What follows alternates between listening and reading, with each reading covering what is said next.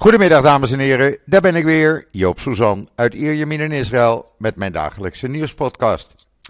Ja, even voor de mensen die zitten te wachten op Kobi Ziegler, onze militaire analist, om het zo maar even te noemen. Ik had Kobi aan de lijn eh, zojuist en Kobi zegt, Joop, er is eigenlijk niets militair nieuws te melden. Dus ik heb niets, uh, niets nieuws te vertellen. Hij zegt, laten we het nog even afwachten, misschien morgen. Uh, dan uh, is er misschien ander nieuws, maar op dit moment zegt hij: heb ik niets uh, toe te voegen aan wat ik verleden week heb gedaan. En dan, uh, ja, dan moeten we het daar maar even bij laten natuurlijk. Hè. ik ben geen militair specialist. En dan het weer in Israël. Nou, hou er maar over op, stop er maar mee. Het is gewoon 10, 11 graden te koud. zoals ze op televisie zeiden, de winter is weer terug en er gaat weer lichte sneeuw op de Germon vallen. De komende twee, drie dagen is het echt winter. Het is nu ook een, eh, graad of 14. Het is helemaal niet warm. Het is bewolkt. Er staat een koude wind. Gisteren was het helemaal koud. En vannacht, uh, ja, een graad of 7. Uh, eh, nee, het is gewoon te koud. Het hoort tussen de 20 24 graden te zijn. En niemand begrijpt er iets van.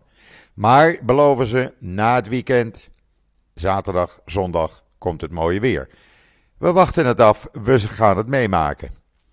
Ja, en dan gisteren iets heel bijzonders. Gisteren was die uh, herdenking van uh, Sami Baron, de eigenaar van het uh, kosher restaurant Hakarmel in Amsterdam. U weet, bijna twee weken geleden overleed hij in Israël op zijn vakantie. Hij was 67 jaar oud, of jong, laten we dat zo zeggen. En toen uh, Loonstein Advocaten uh, meldde dat op Twitter. Het stond ook in de Telegraaf een heel artikel erover. En Loonstein meldde dat het zo druk was en dat uh, iedereen kaarsjes ging aansteken. Toen vroeg ik hem op Twitter, ik zeg, ach, doe me een lol, wil je voor mij ook een kaarsje aansteken? Want ik heb hem heel lang en goed gekend. Tuurlijk, geen probleem. En wat gebeurde er? Een paar minuten later kreeg ik een videootje toegezonden van uh, Herman Loonstein. Uh, waarop hij een kaarsje namens mij aansteekt. Nou, nogmaals Herman, ik weet dat je luistert.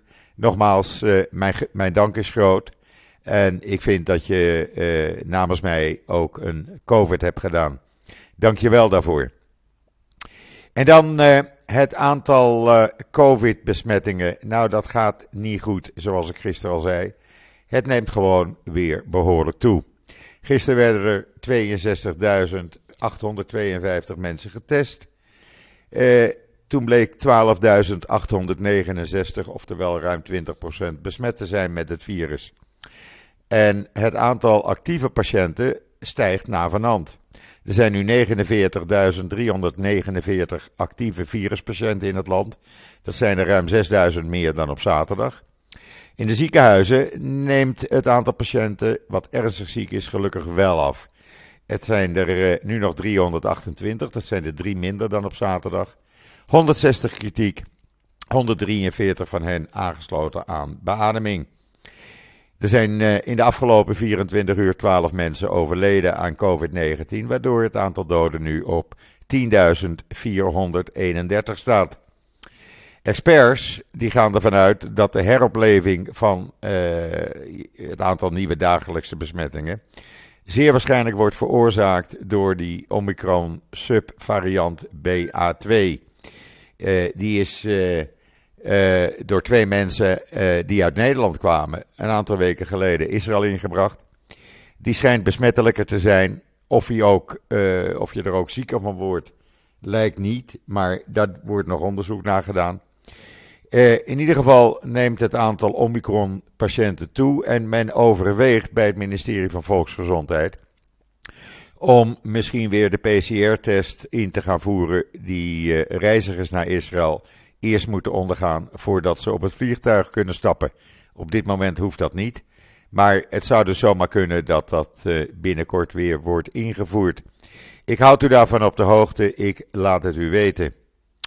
Ja, en dan gisteren, het was met een drukte van belang voor Joop op televisie. Want eerst hadden we natuurlijk Ajax Feyenoord. Nou, eh, uiteindelijk won Ajax in een spannende laatste 20 minuten, laten we het zo maar zeggen. met 3-2 wonen ze. terwijl, ja, ik had voor mezelf al gedacht van nou, die gaan de Bietenbrug op, dat wordt helemaal niks. Maar uiteindelijk de rug recht en ze wonnen. Ja, en daarna kregen we Max Verstappen. En tijdens Max Verstappen sprak ook president Zelensky van Oekraïne tegen de leden van de Knesset. Dat gebeurde uh, via Zoom. Uh, ja, waar moet je dan naar gaan kijken? Nou, toen heb ik besloten om toch maar Max Verstappen af te gaan uh, zien eerst. Ik denk, ik krijg wel de tekst van Government Press Office. En omdat het toch ook in het Oekraïns en Hebreeuws was. En toen, uh, ja, Max Verstappen natuurlijk heel teleurstellend. In de, twee, eh, de ene laatste ronde, of twee ronden voor het einde, viel hij uit, deed zijn motor het niet meer. En de andere Red Bull rijder had hetzelfde probleem. Dus dat was een beetje teleurstellend. Maar goed, toen kregen we dus de tekst van meneer Zelensky, president Zelensky. Nou, ik heb hem helemaal online gezet in israelnieuws.nl. Daar kunt u de hele letterlijke tekst lezen. Ik heb hem vertaald. Want we kregen de tekst van de ambassade van Oekraïne opgestuurd in het Engels. Hij wijkt misschien iets af voor uh, wat betreft de Oekraïnse tekst. Want de video zit er ook bij. Maar u kunt dan zelf oordelen uh, waar het over ging en waar nogal uh, wat gemengde reacties op kwamen hier in Israël. Was het feit dat hij ja, de holocaust erin uh, mengde. Niet dat hij de holocaust echt daarvoor ging gebruiken, maar ja, hij begon met de datum van 24 februari. Uh, toen Rusland uh, Oekraïne binnenviel, dat is dezelfde datum als 24 februari 1920. Toen werd NSDAP in Duitsland opgericht, de Nationaal Socialistische Arbeiderspartij. Ja, eh, daar ontstond uiteindelijk eh, de Holocaust uit, om het even kort eh, te zeggen. En hij vergeleek dat met wat er nu in Oekraïne aan de hand is. Ja, dat werd hem niet door iedereen in dank afgenomen. Men was daar nogal, ja, van waarom moet dat nou? er waren ook anderen die zeiden, nou, het was een, een prima toespraak. Nou, u kunt dat zelf lezen op israelnieuws.nl. En dan mag u zelf u, uh, denken wat u ervan vindt. Uh, wat wel opviel is dat hij een aantal uren later, in de afgelopen nacht eigenlijk, zette hij, uh, zoals hij de laatste tijd gebruikelijk doet, op social media een video. En in die video noemde hij onder andere dat ja, Israël beschermt zijn belangen, zijn strategie, zijn burgers. Dat begrijpen we allemaal. Uh, de premier van Israël, de heer Bennett, probeert een manier te vinden om gesprekken te voeren, te bemiddelen. Daar zijn we dankbaar voor. Uh, en hij vraagt zich af, nou, misschien moeten we eigenlijk binnenkort met Rusland gaan praten in Jeruzalem. Dat is de juiste plek om rust te vinden als het even kan, zei Zelensky. Dus hij kwam een beetje op zijn kritiek op Israël terug in die social uh, media video. Uh, ja, wat vindt Joop dan van die toespraak? Nou, ik vind het een duidelijke toespraak. Voor mij had hij dat er niet in hoeven te doen, de Holocaust. Maar ik kan me begrijpen, de man vecht ook voor zijn land. En uh, ja, die probeert van alles en nog wat om steun te krijgen. Tijdens zijn toespraak trouwens, toen hij bezig was waren op uh, Habima Square in Tel Aviv enige duizenden mensen bij elkaar die op grote schermen de toespraak konden volgen. Er waren ook veel mensen bij uh, die jaren geleden uit Oekraïne naar Israël kwamen.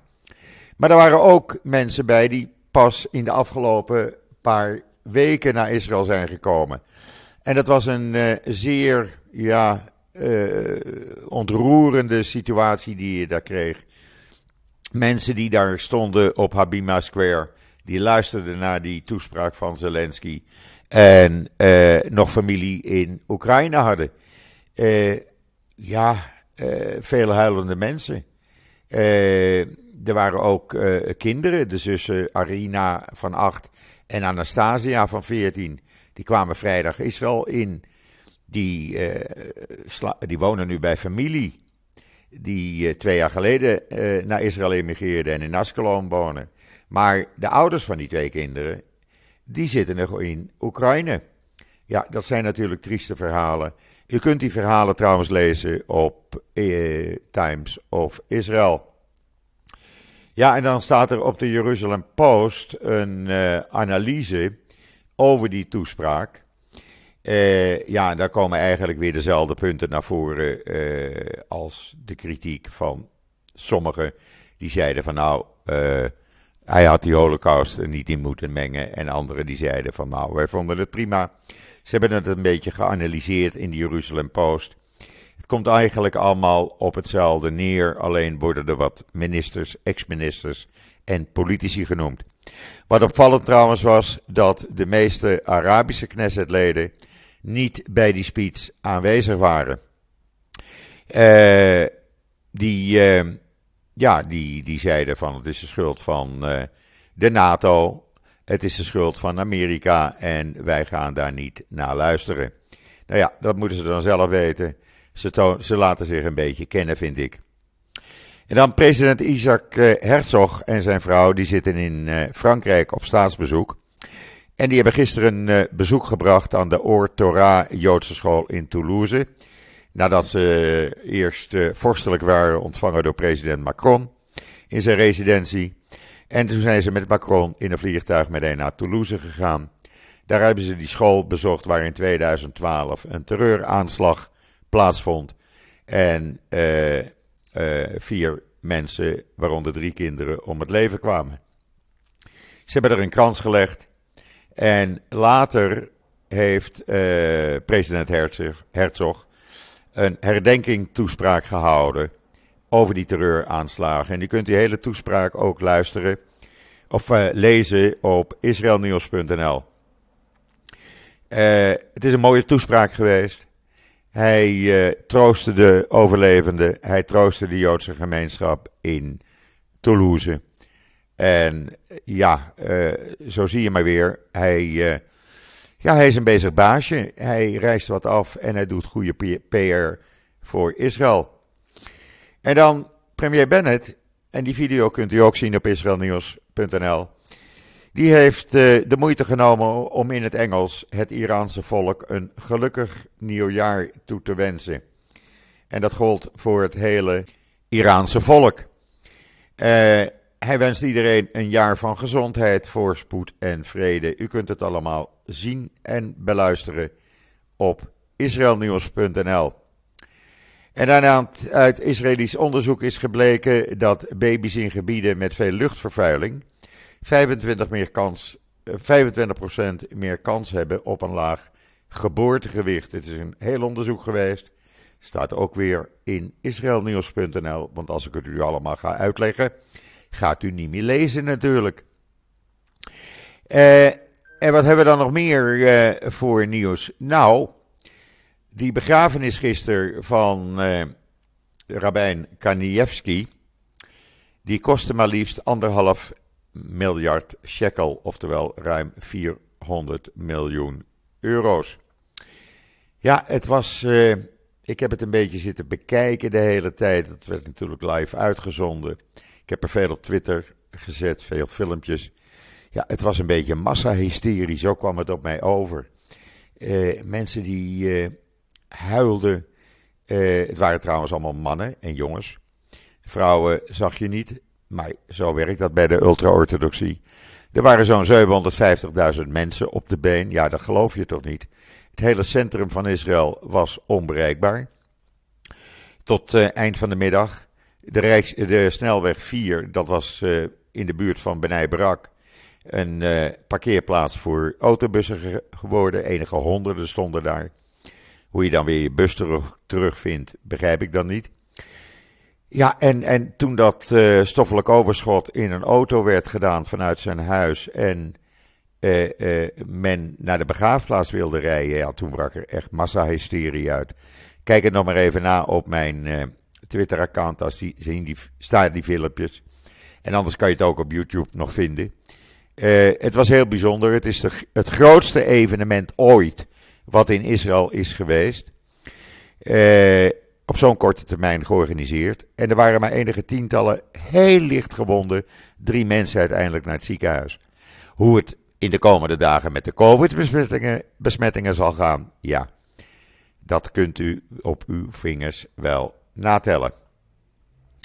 En dan uh, heeft men het Homefront Command op uh, Ben Gurion Airport ingezet, zodat het verwerken, uh, het, het, het ja, invullen van documenten, etc. van de vluchtelingen uit Oekraïne wat sneller gaat, wat makkelijker gaat.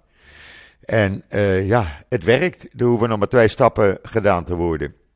Letterlijk en figuurlijk. En men is geregistreerd en kan naar een hotel of naar familie. Zo snel gaat het nu. En dat werkt gewoon subliem door de soldaten van het Homefront Command met hun computerterminals. Staat trouwens in de Times of Israel. En dan in Israël, ja, wij hebben hier ook racisme, helaas zeg ik erbij. Er zijn uh, in 2021 zo'n 458 klachten ingediend. 24% van hen door Ethiopiërs, 24% door Arabieren, 7% door overwegend, uh, nee, 10% door ultra-orthodoxe Joden, 7% door traditionele Joden en nog 6% door Israëli's die kwamen uit uh, Rusland en 4% door uh, Joden die afstammen uit Arabische landen.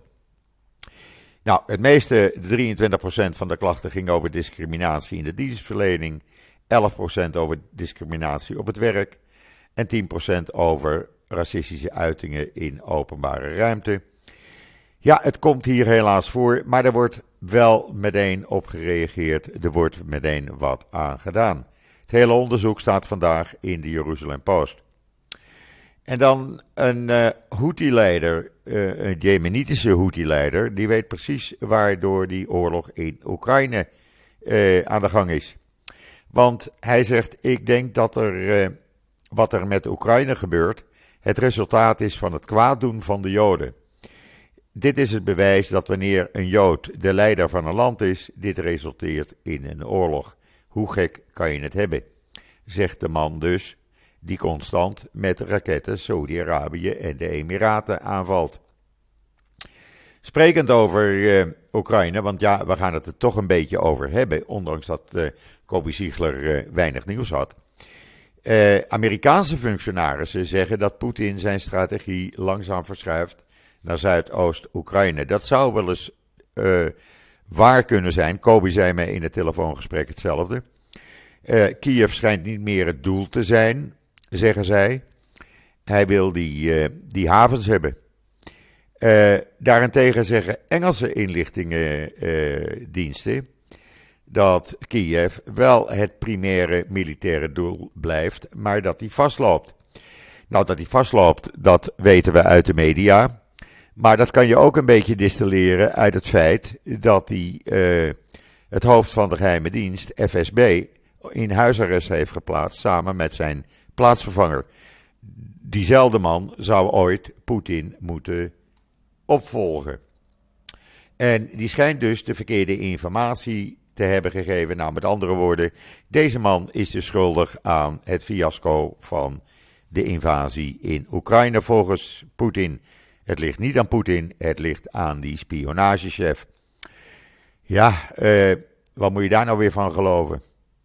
In ieder geval, in een analyse in uh, de Haaretz zegt Ansel Pfeffer, en die heb ik erg hoog zitten, dat hoewel uh, ja, alles een beetje in het honderd loopt voor uh, Poetin in Oekraïne, hij zit letterlijk en figuurlijk vast in de modder, is er nog steeds één mogelijkheid die hij kan gebruiken en dat is de nucleaire optie. En volgens Ansel Pfeffer ja, komt dat moment van waar hij dichterbij? Ik hoop het toch niet. Maar ja, als je zijn analyse leest vandaag, dan, uh, ja, dan uh, word je daar niet zo blij van. Zelensky trouwens heeft gezegd dat er geen sprake is van overgave van die stad Mariupol, uh, die havenstad. Het was een ultimatum van Rusland en Oekraïne heeft daar niet aan gevolgen gegeven. Ondertussen veel Israëlische dokters en medische organisaties uh, die Oekraïnse banden hebben, die zijn allemaal naar de grensgebieden gegaan. Die helpen Oekraïners, niet alleen Joodse Oekraïners, maar iedereen. Alle vluchtelingen daar. Er zijn artsen bij, Israëlische artsen, die nog familie in Oekraïne hebben zitten, grootouders daar hebben zitten. En die zijn gewoon daar naartoe gegaan en helpen waar ze helpen kunnen. Uh, zojuist heeft uh, president Bennett de medische ploeg uitgeleide gedaan trouwens op ben Gurion Airport, je kunt het lezen in Israël Nieuws, die het veldhospitaal gaan bedienen. Wat Israël in, ja, bij Lviv, die stad vlakbij de Poolse grens, aan het opbouwen is. Dat gaat met een paar dagen echt werken en dan worden daar zo'n 100 mensen per dag behandeld. En dan in uh, Times of Israel las ik een verhaal van een Griekse diplomaat. Die is een van de laatste mensen die uit Mariupol wist te ontsnappen. En die zegt dat die belegering van die stad Mariupol door de Russen mag je rustig beschouwen als een oorlogsmisdaad. De stad wordt vernietigd. Het is te vergelijken met Stalingrad of Aleppo in Syrië. Het is net zo erg. Uh, hij werd als een held in Griekenland ontvangen. En uh, ja, hij uh, wil dat de wereld weet wat daar gebeurt. Vind ik een goede zaak. En dan Israëlische, de Israëlische luchtmacht gaat meedoen aan een hele grote luchtmachtoefening binnenkort in Griekenland. Waar de Saoedi's en Kuwait als waarnemer bij aanwezig zullen zijn. Het is een oefening waar naast Israël en Griekenland ook Amerika, Canada, Frankrijk, Italië, Cyprus, Oostenrijk en Slovenië aan mee gaan doen. Die begint volgende week, de 28e, en duurt tot 8 april. Als waarnemers zijn daar Egypte, Albanië, Oostenrijk, Noord-Macedonië, Engeland, India, Kuwait, Kroatië, Marokko en Saudi-Arabië bij aanwezig. Nou, dan kan je nagaan hoe groot die oefening is. En die oefening gaat uh, zich bezighouden met het ontwijken van uh, luchtdoelraketten, aanvallen op doelen op land, zoek- en reddingsacties en het beschermen of aanvallen van een doel vanuit de lucht. Nou, uh, tegen die tijd krijgen we wel persberichten en video's en ik zal ze natuurlijk allemaal voor jullie online gaan zetten. Ja, dat brengt mij zo een beetje bij het einde van deze uh, toch wel weer lange podcast. Het is nog steeds koud. Ik vind het helemaal geen lekker weer. Joop kan daar gewoon niet meer tegen. En het wordt tijd dat we echt het voorjaar nu krijgen. Ik ben af en toe een beetje jaloers in Nederland. Als ik de temperaturen lees, 18 graden in Limburg en Brabant, denk ik, nou, zonnetje erbij, is best lekker voor op een terrasje te zitten. Maar goed, hopelijk komt het hier. En dan gaan we over een paar maanden weer zeuren van oh, was het maar weer wat regen, dan was het tenminste even aangenamer als het weer zo bloedheet is. Maar goed, op dit moment is het te koud. Goed, ondanks alles rest mij alleen nog jullie allemaal nog een hele fijne voortzetting van deze maandag de 21ste maart toe te wensen. De dag waarop de lente begint. Hier in Israël dus niets van te merken. Ik ben er morgen weer en zeg zoals altijd: tot ziens, tot morgen.